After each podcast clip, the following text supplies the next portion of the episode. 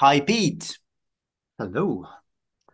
Uh, welcome to my podcast. Uh, I'm so happy that you found the time to uh, to have a conversation with me about really fascinating topic, which I don't know too much about, but I hope to to learn Hmm. today a lot.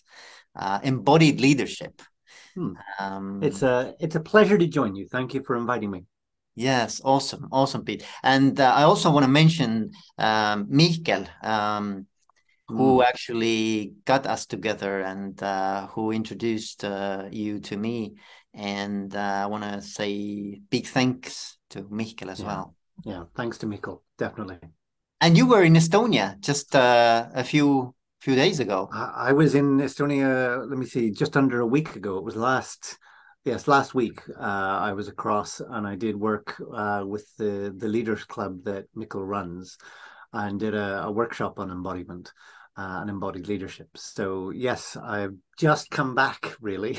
Yeah, yeah, yeah, yeah. So Uh, yes, great, great stuff. So, how would you uh, introduce yourself, Pete? If if we would get together in a, let's say, in a, some social gathering, or let's say we get together in a party, uh, I say, I'm Veiko. Who are you, Pete? So, how would you introduce yourself? So honestly, it would depend really.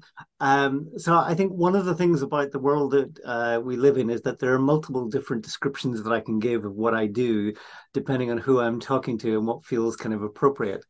But I, I suppose in, in the spirit of, of what we're trying to get to here, uh, I really my my work is around human potential, um, development of human potential, and specifically my work relates to the way in which our physical body is um, a representation of who we are. That it kind of gives us what's available to us in the world. It the presentation of our physical body gives us the way in which other people relate to us in the world and the combination of what it enables in us and what other people kind of perceive of us gives us our identity and, and the range of actions that's possible to us. And so my work is around basically helping leaders, teams, individuals actually be more effective at doing whatever they want to do rather than whatever they've habitually learned to do through history. Yes, yes, that's that's fascinating. And and you are a coach, you are a facilitator, you you are a trainer, uh, a faculty member. I mean, different roles, right? Yeah, all of those things. I mean, and that's why I say I can describe myself in many different ways, Yes. because I, you know, I, I do some academic work, I do some uh, one-on-one coaching, I do some work with leadership teams of different organizations, and I do kind of leadership development programs, um, both public programs and in company programs. So it's it's a real mixture of stuff, and I, I kind of like the variety, if I'm honest. Yeah, yeah, yeah, same here. Yeah. So, uh, and you have a book, and book is I called do. Embodied Leadership. It is, Um, yes. so, so let's start off with a very basic question. Like, how would you Hmm. define the concept of leadership, or how how, how do you how do you conceive of the term? Yes, I think there, there's a quote I use somewhere in the book about leadership being the most studied and least understood concept in all of social science. Um, it's a bit like love. Um, we all kind of get what love is as a concept, but you ask someone to define it and give a clear, singular definition of it, and you'll end up in all sorts of trouble or time or any of these things that basically will lead us into philosophical rat holes.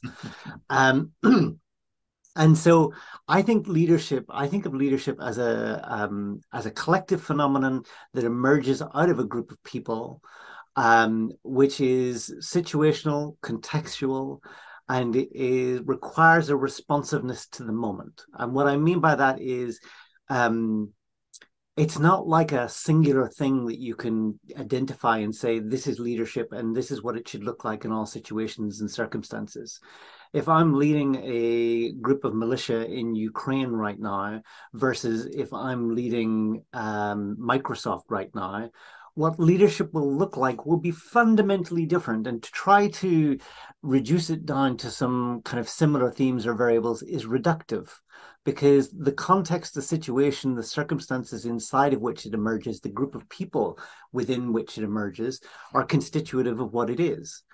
And so for me, leadership requires an ability to be responsive and attuned to the present moment. It requires that ability to be able to feel into what is required here in this moment in this situation. Bit like if you walk into a meeting room and there's been a conflict before you arrive and you don't know that, but you walk in and you feel in your guts something doesn't feel quite right in the room. Now, we all do that all of the time, but we kind of dismiss it sometimes. But that's kind of how we get a feel of a situation. And our ability to take leadership is our ability to walk into that room and go, oh, how do I respond to what is needed in this situation, in this circumstance? And some of us don't even notice the situation and circumstance. But then, two, once we notice it, do we have the capacity to take leadership in it? Or are we governed by our history and a fear of conflict, for example, which means that we withdraw ourselves from any kind of sense that there was some conflict here before we went, we, we arrived, and we try to withdraw ourselves from it in some way, shape, or form. So for me, leadership um, is what emerges out of a group of people, and what it requires is first our you know our awareness our presence our felt sense of what's going on in any particular moment and what might be required. And then our ability to be adaptive inside of that moment and to find what's required in that context that situation in order to allow the the group the organization in order to progress and move forward. So yeah.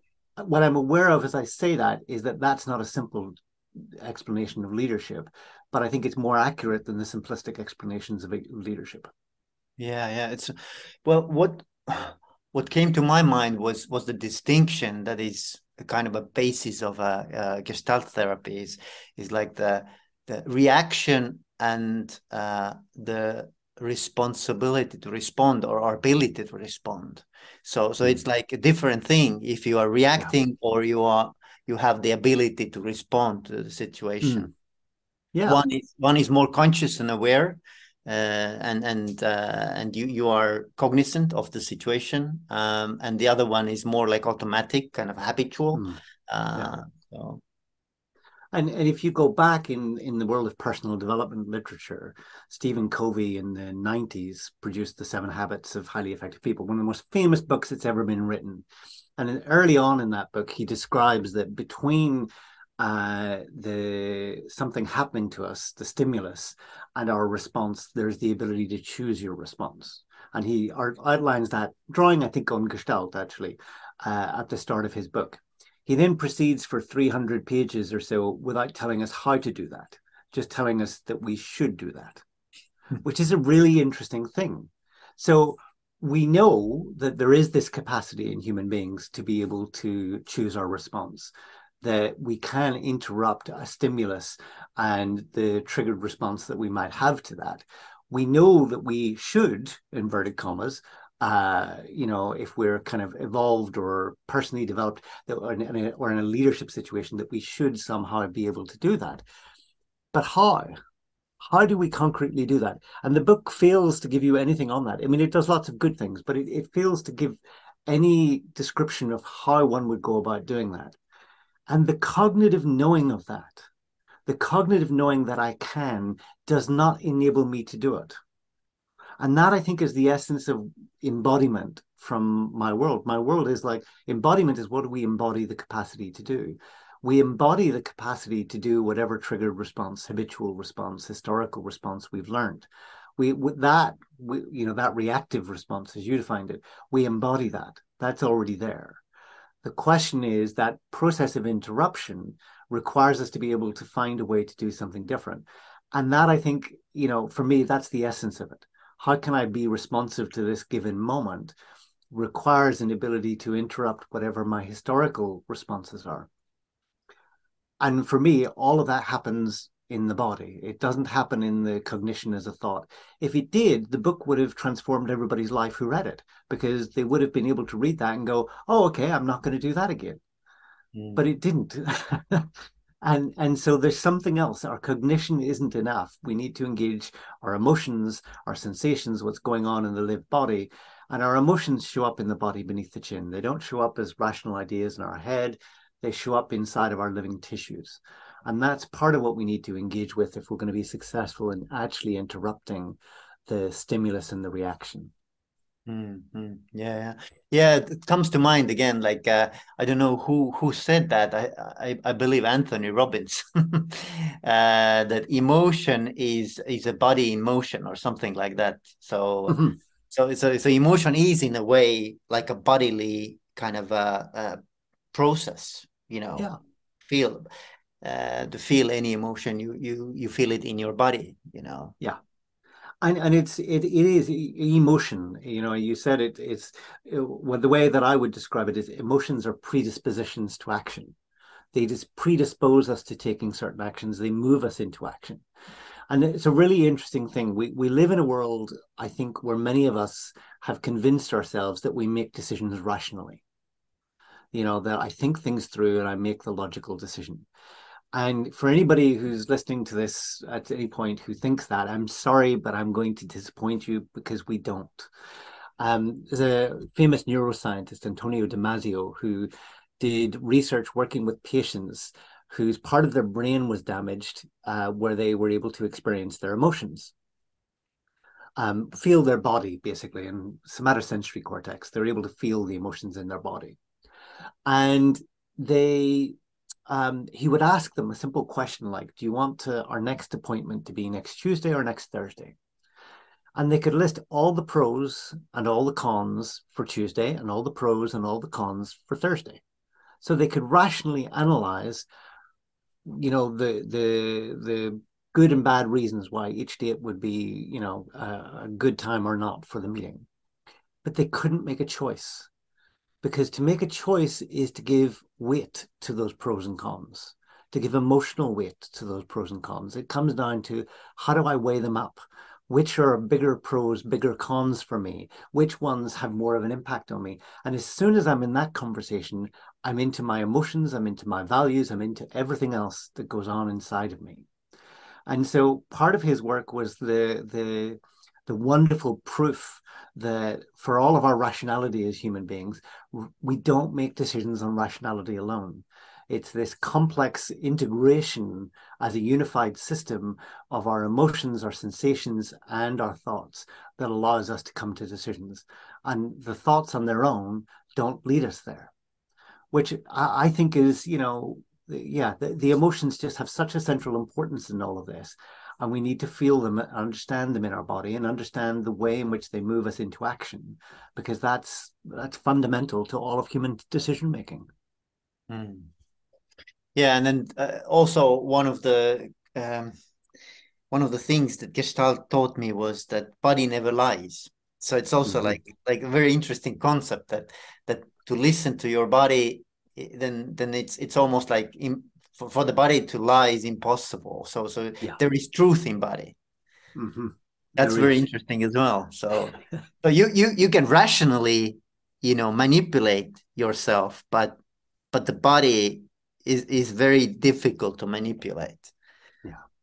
So I I remember I was working with a, an executive team of an organization maybe a month or two ago, and um, we were talking about responses to under pressure, responses under stress um, in the team, and where different people go. And we were doing a, an embodied exploration of that. And there was a woman on the team who kind of um, had a very clear kind of um, move to assert herself under pressure uh, and at extremes to go towards a fight response. That was kind of her, her move and she was making sense of it later and she was kind of saying oh that's really interesting that that's what came out in that exercise because i can see i do that at home but i don't do that at work. At work i do this other response blah blah blah blah. Mm-hmm. and you could see the entire rest of the team sitting around the table going no no you do that at work as well. That's that's the response we see. And it's like there's a way in which we can fool ourselves into I like there's an image in Buddhism they talk about the idea that there's almost like a we have a bronze statue inside of our head of ourselves and how we want to be and who we'd like ourselves to be. And what we want as human beings is to transfer that image of ourselves into everybody else's head so that they see us in exactly the same way. And that you know upset for human beings basically comes whenever we discover that other people's image of us is not that bronze statue we've been polishing in our minds but is actually something more grounded close to reality. And, and i often think that there's something about we we we do that often to fool ourselves as much as to fool others. Um, we we like to have a view of ourselves in a particular way for whatever reasons you know from history or whatever.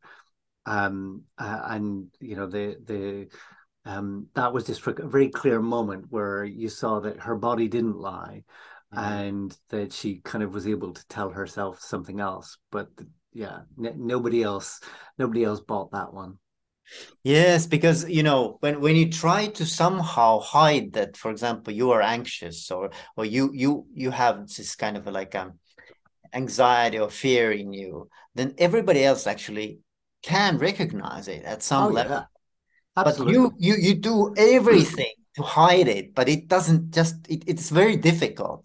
So I don't know if it's these mirror neurons or whatever it is, um, but but people read you. You know, it's it's it's interesting. They do. I mean, so the simplest thing to take up to to go back in this is really to think about children and small animals children and small animals will sometimes know, or small children and animals even, uh, will sometimes know when you're upset before you do. Mm. You know, animals are very perceptive on that. The animals will pick up on that very perceptively. If you've got pets around, dogs or whatever, they'll pick up on your moods very, very clearly, and they'll pick up if you're upset. Kids will pick up on it and you know they they you can imagine this now kid child mummy and daddy have just had an argument the child comes to one of them and goes uh, what's wrong, and the the parent wanting to protect their child from whatever argument they've just had says nothing, dear. And the child has that moment of disconnect between the person whom they trust most in the world telling them something and what they're experiencing. And what that seeds is that sense of doubt in our own ability to read other people. So by the time we get to adulthood, many of us don't necessarily trust our ability to read other people, or we've kind of suppressed it or diminished it, or we don't really pay attention to it in the same way. Not everybody. Some people have, have really kept that, but a lot of people have really diminished it, especially in a culture which overvalues the cognitive and the rational and the logical. So we, we undermine, we underplay that piece. But it's there, and we can see and we can feel the mood that somebody else has and we can see that in their body language and how they're holding themselves. And we can see it in and we can feel it in our bodies often. Our bodies will receive, be receptive to that. Um, and moods moods are infectious. And you know we know this because there are some people who come into the room and they lighten the mood you know those people they come in yeah. and the mood in the room just lightens and everybody's kind of like oh it's a ray of sunshine wonderful people to have yeah like like bulb of energy yeah yeah yeah and then there are other people who come in and they're like the dementors out of Harry Potter and they sort of suck all the life and energy out of a room. Empire. And yeah. yeah, you feel that. Mm. And so we know that moods are infectious. And we know that all of this stuff is playing out. So our, our body doesn't lie. And we can feel other people's bodies. We can feel their kind of nervous energy, their state of their nervous system, because two nervous systems beside each other will start to resonate. We know that you know that's scientific it's not just woo woo uh, so we know that happens and then the other thing that we know is that we're always reading people we're, we, we are. We just as we walk down the street you know you walk past somebody and you kind of get a sense of their personality. You kind of get a sense of like shyness.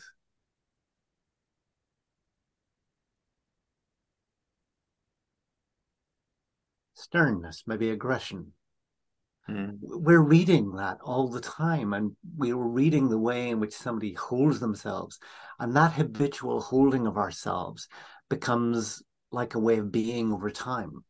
Now, the interesting thing about that habitual way of uh, holding ourselves is it's not just having an impact on others, it has an impact on us because the shape that we hold ourselves in predisposes us to certain moods. So if I hold, we, we know this is, you know, the, Paul Ekman did these experiments years ago. You get someone to put a pencil in their mouth like this, and basically they're putting on a smile, and you kind of measure their mood and you measure the hormones in their body, and basically they're happier. Mm. Their mood has lifted. That's very know, just by just by holding a smile. Um, we know that going into a shape evokes those feelings inside of us. So if I take on the shape of angry, for example, then I'm more likely to feel angry. And so what we know is that when we hold a certain shape over time, that gives us, that predisposes us to certain moods. It makes them more likely. So if we live in a depressed shape, as you see people walking down the street like this, they're more likely to live in a mood of depression more of the time. Now, there's a whole series of history and potentially trauma and whatever else that sits behind why they've ended up there. But we know that that shape does two things. It impacts how you see me. It impacts then how you relate to me. It may impact if we're working together, what you choose to trust me to do or what you don't choose to trust me to do. It will also then impact how I feel and what actions I feel are possible to take. Because as emotions and moods are predisposed us to certain actions, like if if I'm feeling in a mood of ambition and possibility, I'll take different actions than if I'm feeling depressed. Mm. I'll see different possibilities for actions. To, you know, sometimes if you've talked to somebody and you've said to them, "Oh, you know," they've described a problem, I say, "Why don't you just do this?" And it's like in their mood and in the the mood that they're living in, that's just not a possibility for them. They can't see that that would ever be a possible action to take. So it's not that they are being difficult or obstructive. It's like the mood that they're in does not give them that as a possible action to take. And so when we see that, what we start to see is that what we've embodied creates our relationships with other people, creates the actions that we're able to take. And then the question becomes is does what I've embodied enable me to achieve what I want what I care about, what's important to me?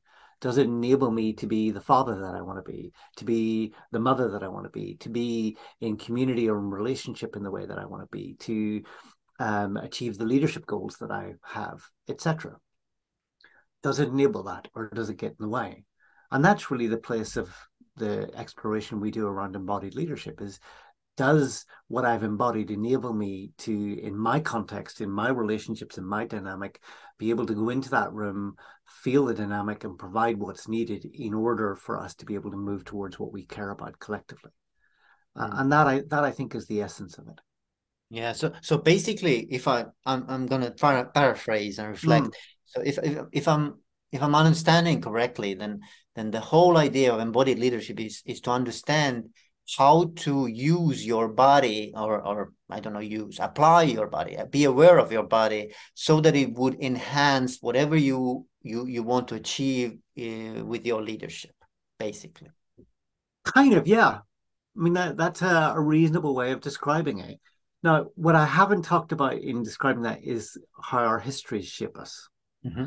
and so one of the things that's worth kind of just looking at is is that we are shaped by our histories. Our bodies are shaped by our histories, literally shaped.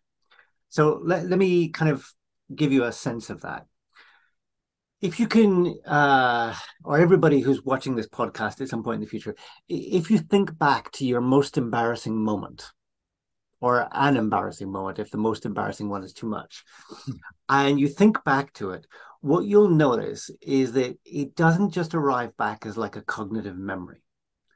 What arrives back with it is the feelings and sensations you had of embarrassment. They're stored with the memory.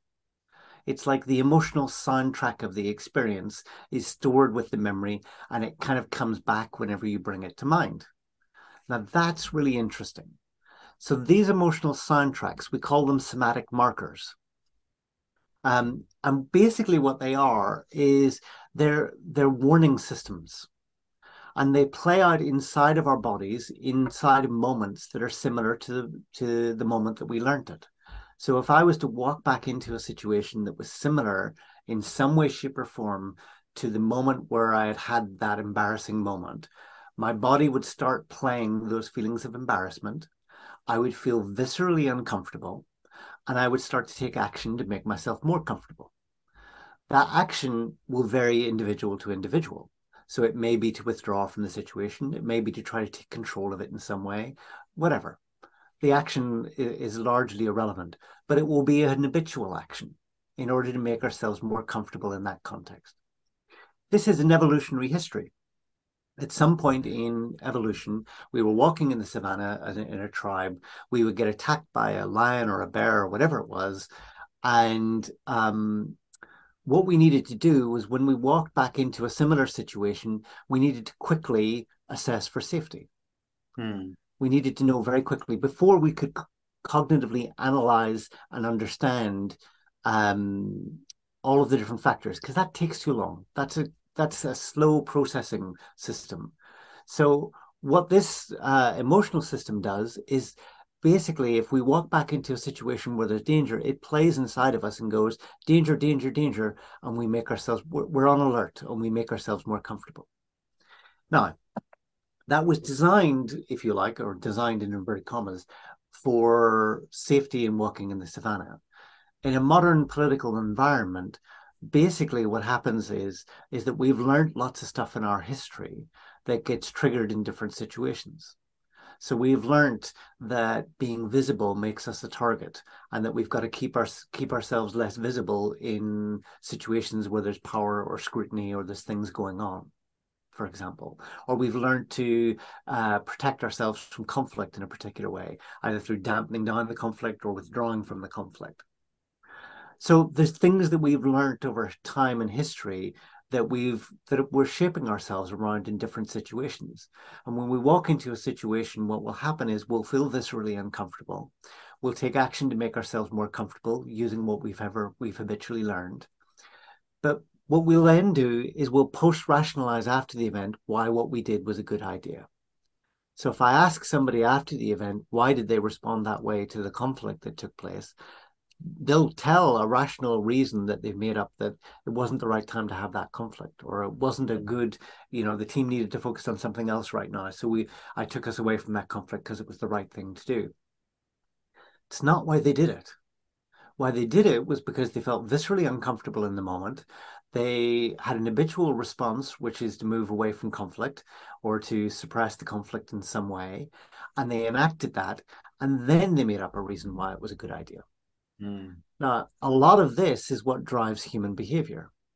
And this is all playing out beneath, beneath the chin. But sometimes what will happen is that, you know, for example, sometimes you'll scratch your nose before you're even consciously aware that you had an itch on your nose. You know, we can do that. A lot of these uh, uh, areas of discomfort, they arise in us and we take action on them very quickly. So we do that sometimes before we're even aware that we had a reaction to it. We do that before we're even aware that there was this visceral discomfort. We're already responding to it and doing something to make ourselves more comfortable.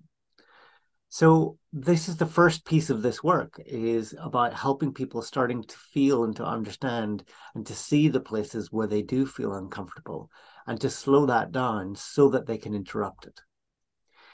But the other side of that is that over time, what will happen is as I habitually respond to whatever it is, um, you know, say for example, uh, I respond to try to make myself less visible so that I'm less of a target, less scrutiny. I've learned that for some reason as a child. As I do that, I will be physically making myself smaller rather than just kind of not speaking up as much. It's like my entire body will, you know, it's the person who kind of withdraws out of the room, where you look around a table at a meeting and somebody's just no longer there. It's like they're starting to withdraw. And uh, somebody will just withdraw and sit back and be less present. And they're physically contracting their whole body to take up more space. Mm. So it's never just an emotional withdrawal, a vocal withdrawal. You know, they're not just stopping speaking. There's all of this stuff that's going on in the body as well. And if my habitual response has been over time to make myself smaller and make myself invisible and less of a target, then that will become an embodied response in my tissues to contract to make myself smaller and to be less of a target. So, what we can say is that our histories give us the physical shape of our bodies. The, you know, and this is where the body doesn't lie, is like the when you see a body, what you see is somebody's history. And if you're paying attention, you can see the traumas, you can see the history, the way in which they've shaped themselves. Because there's a, a way in which if a body is relaxed, there's a way in which it's holding itself, which just about nobody does. Everybody has little kinks and shapes and changes, and places where they're contracting, and places where they're projecting, and places where they're holding.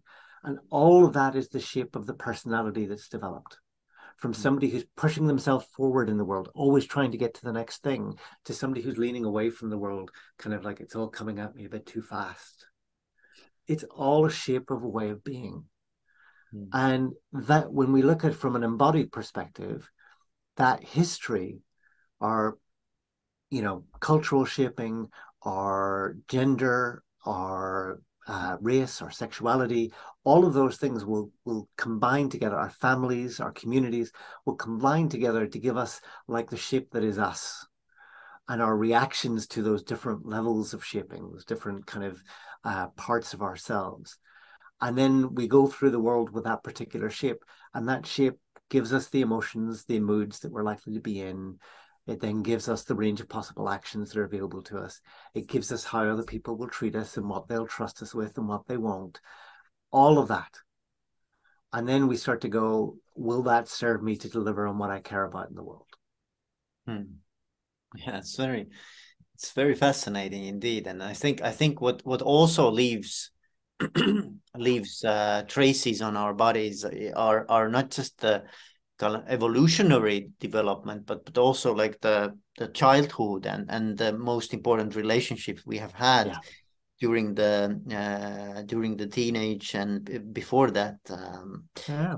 So so I th- I think the family and you know the close ones and the most important people around us, uh, teachers, you know, uh, friends. Um, yeah all of those people actually leave marks on our bodies i think oh absolutely absolutely. I mean we you know our, our, parents our immediate families siblings the environment that we grew up in all of that stuff kind of creates like a uh, an overall shaping over time. So you know my own family background i grew up in northern ireland during a time of conflict but i, I also grew up in a um, I, there's a, a culture sometimes in Irish families of um, uh, ridiculing people, um, kind of making fun of them in a, in a quite a strong way that people, when they come from outside, don't quite get. they kind of go, "Why do you do that to each other?" And it's like, "Oh, it's because we love each other." Really? Um, but you know, I grew up in in sort of inside of that environment, and then I also grew up in a place of conflict. So my kind of history, my shaping was to kind of make myself smaller, make myself less visible over time. And it's all of those different layers. It's like it's the fact that I lived in in a place of conflict and I had some interactions with that, experiences with that, which shaped me. It was the fact that I lived in a family where had that kind of culture, a family and an extended family, you know, a big Irish family, lots of people um, and and it had that culture of uh, kind of humiliating people really. Um, all of those different things combined together, and then I had a, my parents. I came from a, an immediate family that was uh, parents were teachers, so you know there's a way in which having the right answer was kind of like um, the thing to do, and to be able to work things out. And so there's a mm-hmm. way in which my shaping over time became make myself smaller, make myself less of a target, sit back and think it out and work it out and come out with the answer. And then make yourself visible once you've got the answer. so there's a way in which all of those things shape us over time and they give us like a way of being in the world that becomes very familiar. And and that way of being, you know, it got me through my childhood. It potentially at some point in my life saved my life.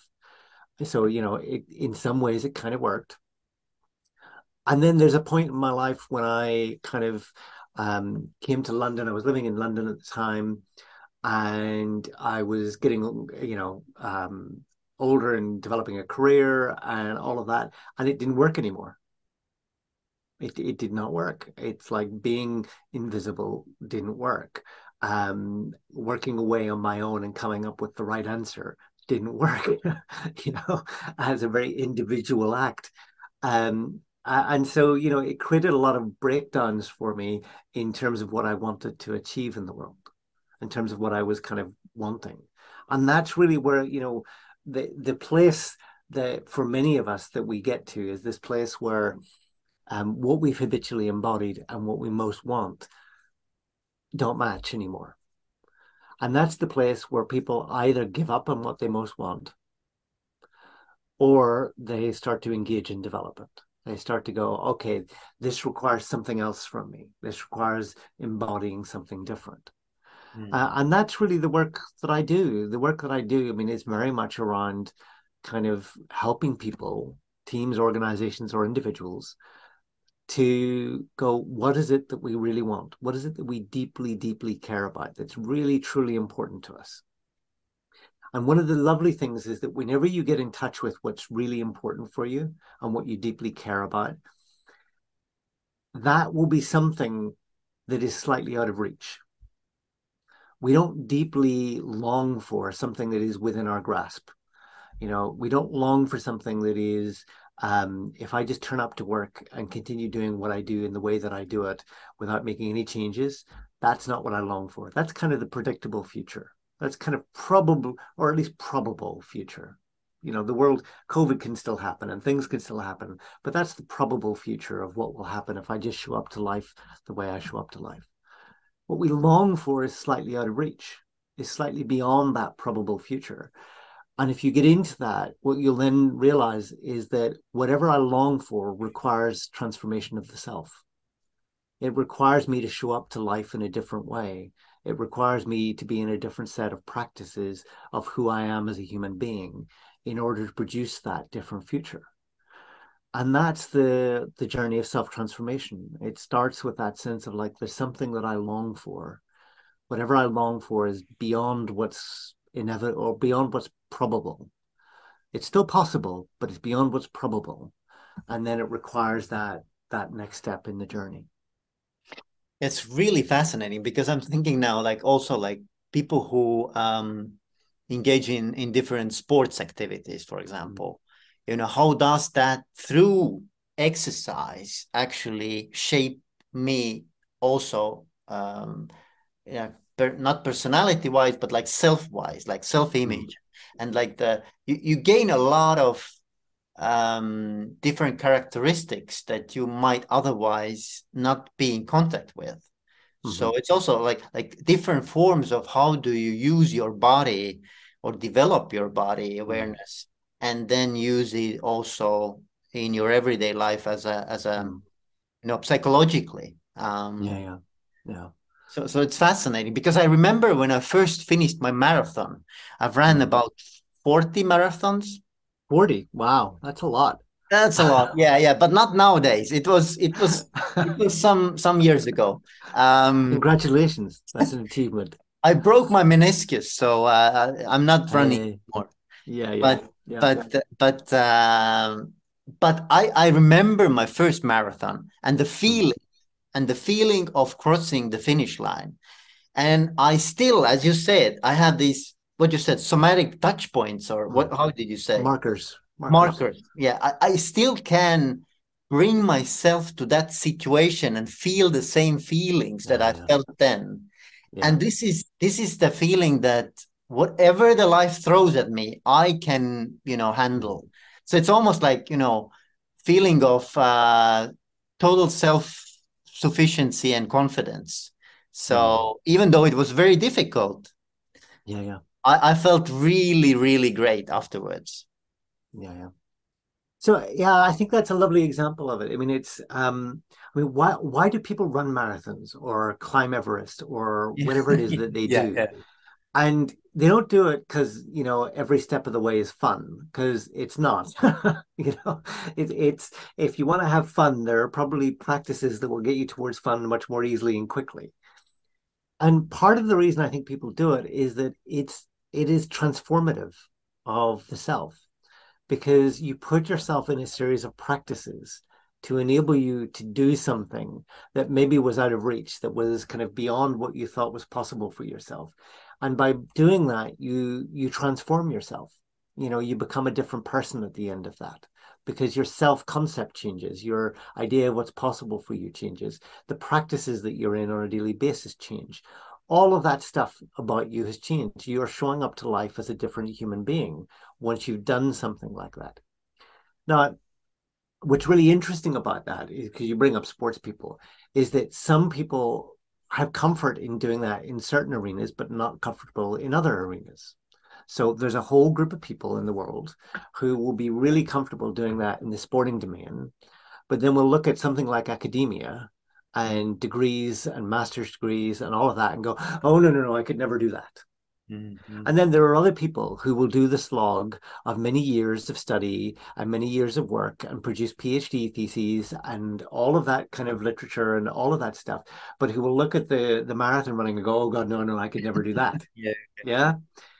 And so there's a way in which we because of our shaping over time and because of what we get pointed towards as, as kids often what we get told that we're good at all of all of these things that happen when we're a child we end up with some areas where we feel it's easier for us to face into that discomfort and to move towards that self-transformative journey. And then there are places that we look at and we go ooh no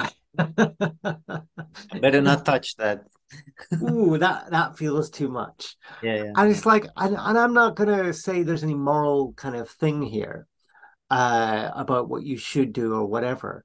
But it's really interesting, isn't it, that there are some places where we feel greater ease towards facing the the discomforts and pushing ourselves into a, a journey that we know is going to be hard, and there are some places that we don't, and that is a result of our historic shaping. Now, from a purely um, theoretical basis, there's no reason why any of us couldn't face into any of those areas and develop those capacities. There's no good biological reason for it. There's no genetic reason for it that we can point to and say, whatever. All we have is that in our early childhood, we have some experiences that tell us we're good at this, we're not good at this. Some teachers who maybe told us that, or people who reflected it back to us and we've developed a self concept where this is easier for us than this and therefore we major on this. And that's fine. But it's really interesting then to step back and go where are the places where i'm blocking and limiting myself in life? Mm. where are the places where i've kind of ruled off and i've said oh that's just too uncomfortable. I don't want to go there. Like i you know i can do this but i can't do that.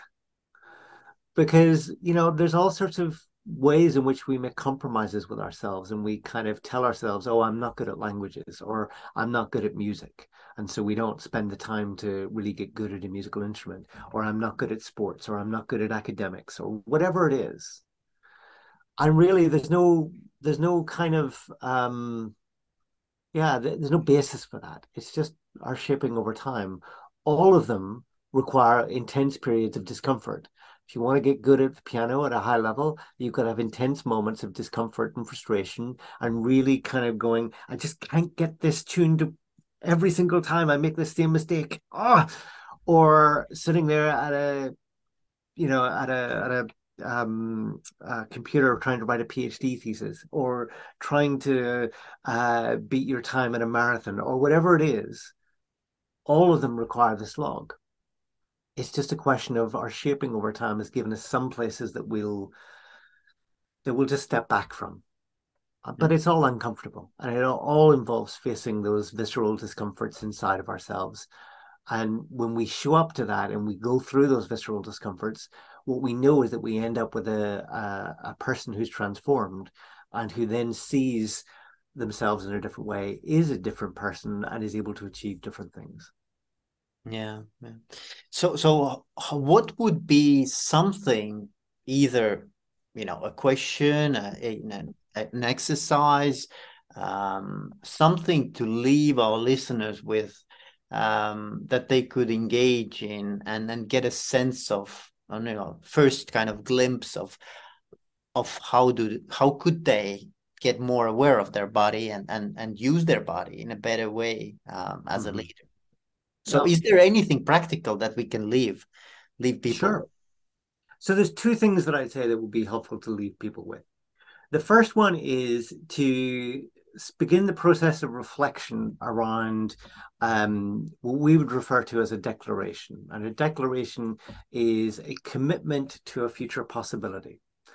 And it's that place that I talked about, which is it's not the probable future of showing up to life the way it is. It's that piece that I long for.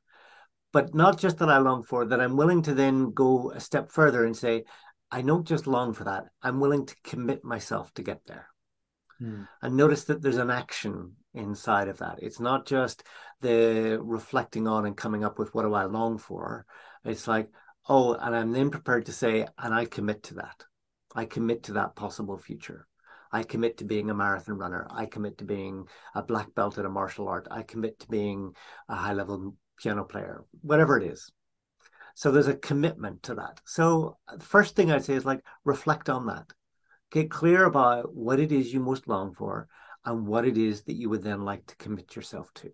Mm-hmm. That's the first piece. Now, that in itself is a big piece of work. So, uh, you know, I, I say that it's very simple to say. It's much harder to do. Yeah. But it, it takes it takes a period of reflection and thought. Journaling is a really good way to do it, and really start to to reflect on that. Second piece, then outside out from that is to then reflect on how do I need to show up differently to life in order to do that. Now, what I mean by that is that if you want to find out what you're committed to right now, pre-thinking through this this declaration, um, where do you spend your time? Where do you spend your money? That's a pretty good way to figure out what you're committed to right now. Yeah.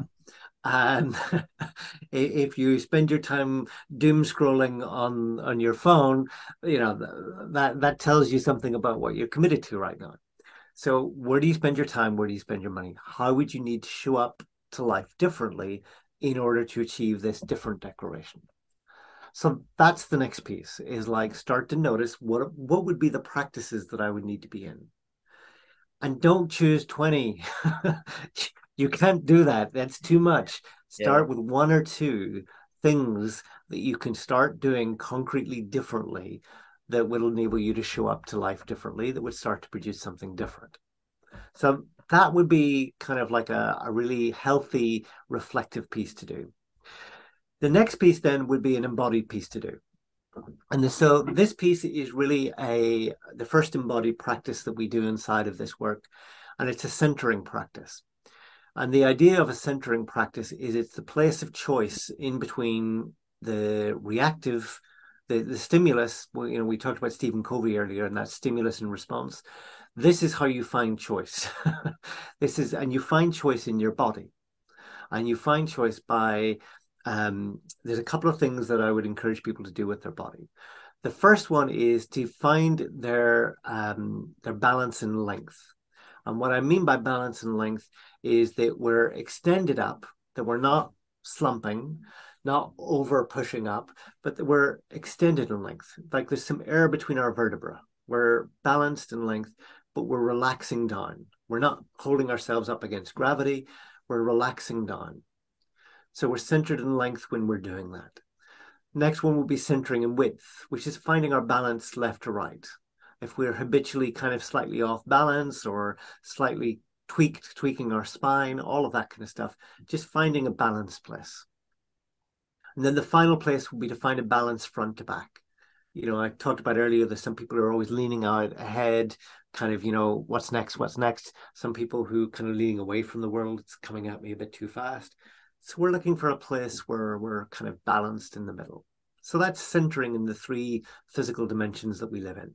We can do that seated or standing, it doesn't really matter, but it's just finding a balance inside of our body. Balance is both physical, mental, and emotional. It's like when we're physically balanced, we're emotionally balanced.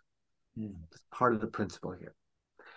Then, what I'd encourage you to do is take a deep breath into your stomach and a longer exhale.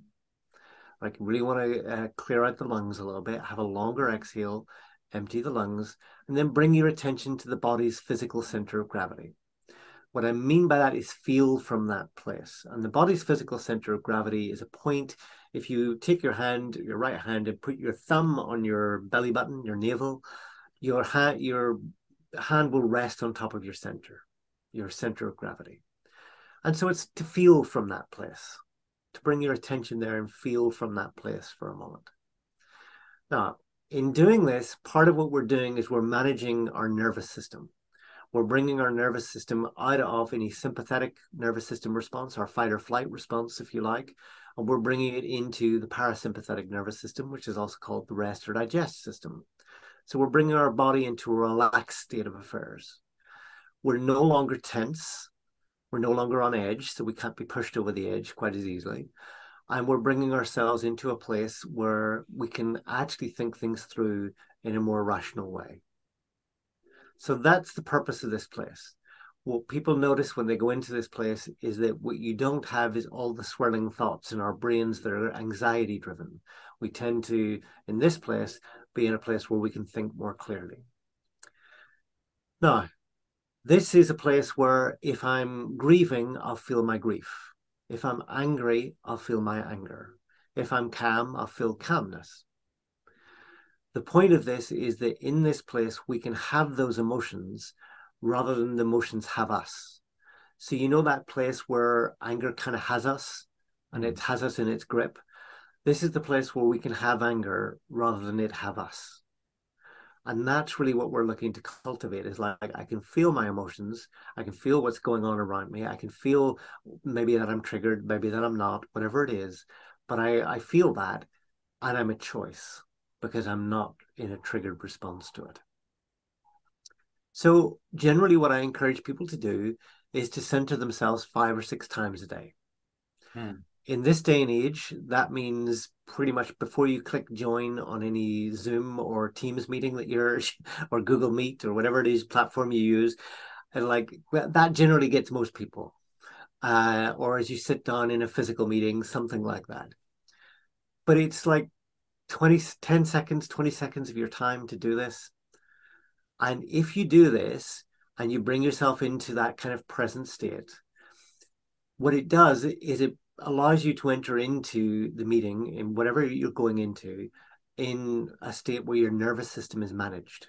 Your nervous system is in a calm, relaxed place, which gives you the greatest capacity in the meeting, gives you the greatest capacity to achieve whatever you want to achieve you keep on practicing that over time, it becomes well, we practice when it's easy so that when the pressure comes on, we can do it.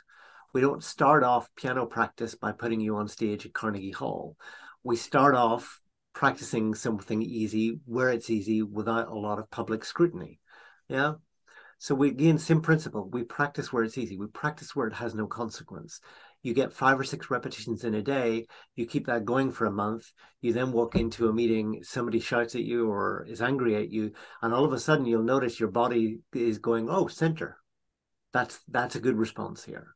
Mm. because what will happen over time is your body your nervous system learns this is a good thing to do. And from that place we can then start to choose our response. From there we might discover that there's some responses that we've never learned that there's some things we need to learn. So, like, I'm in a situation and I realize that actually I, I can choose my response, but actually, um, uh, like, I've never really learned how to respond with empathy effectively, or I've never really learned how to coach somebody. And then there's some skills that we need to learn. And then we can go off and learn those skills. But the first step is having the ability to find that moment where we can notice like what would what would a good response here be? What could i do? And see whether or not we hate we embody the capacity to enact that response. Yeah yeah it's, it reminds me like in gestalt we did a lot of grounding work you know grounding. Mm. it's, it's also like like you know getting in touch with your center like and breathe breath work as well a lot of breath work Oh, breath, breath is really, really helpful. I mean, that's that's a whole other subject in and of itself. It, you could do another R just on breath. Yeah, but breath, I think, is a really important piece because one of the things, and a very, it's a very simple, quick version is like when you, um, if you think about it, when you're under pressure or you're shocked or you're challenged, you go, and then when you relax, you go. So, a very simple level, one of the ways in which you can regulate your system is by paying attention to whether or not you exhale, mm-hmm. whether or not you exhale properly. Somebody who's always stimulated, always nervous, always anxious is probably never exhaling properly. Mm-hmm. They're probably always taking in short, sharp breaths, stimulating their system, and never really letting a full exhale go. So it's it's we could talk about that for a whole other hour, but there's a, a place there about paying attention just to the exhale. Are you exhaling properly? Because that will help regulate your entire nervous system and help you approach things from more relaxed place. Pete, it has been awesome. It has been really interesting, and um, I'm sure Thank that you. we could speak for hours. So um, um, I, I hope that my audience, the, the podcast audience, got some great um, great wisdom and nuggets from here. And uh, if they are interested, so. they can they can uh, probably get some more information about you and your your work. Yeah. Um, what's what's what's the um, what's the easiest way of of getting in touch with your your stuff? So uh, if you go to the, uh, I've got a couple of websites, but if you go to embodiedleadership.net, uh, there's information on my book, and you can contact me through the website. There's all of that contact information. Awesome. Anyway, Pete, I hope to see you in Estonia someday. Uh, yeah, lovely. That would be great. but um, I, am really grateful for for your time and for uh, for the conversation. So thank you. Thank you. Lovely to meet you.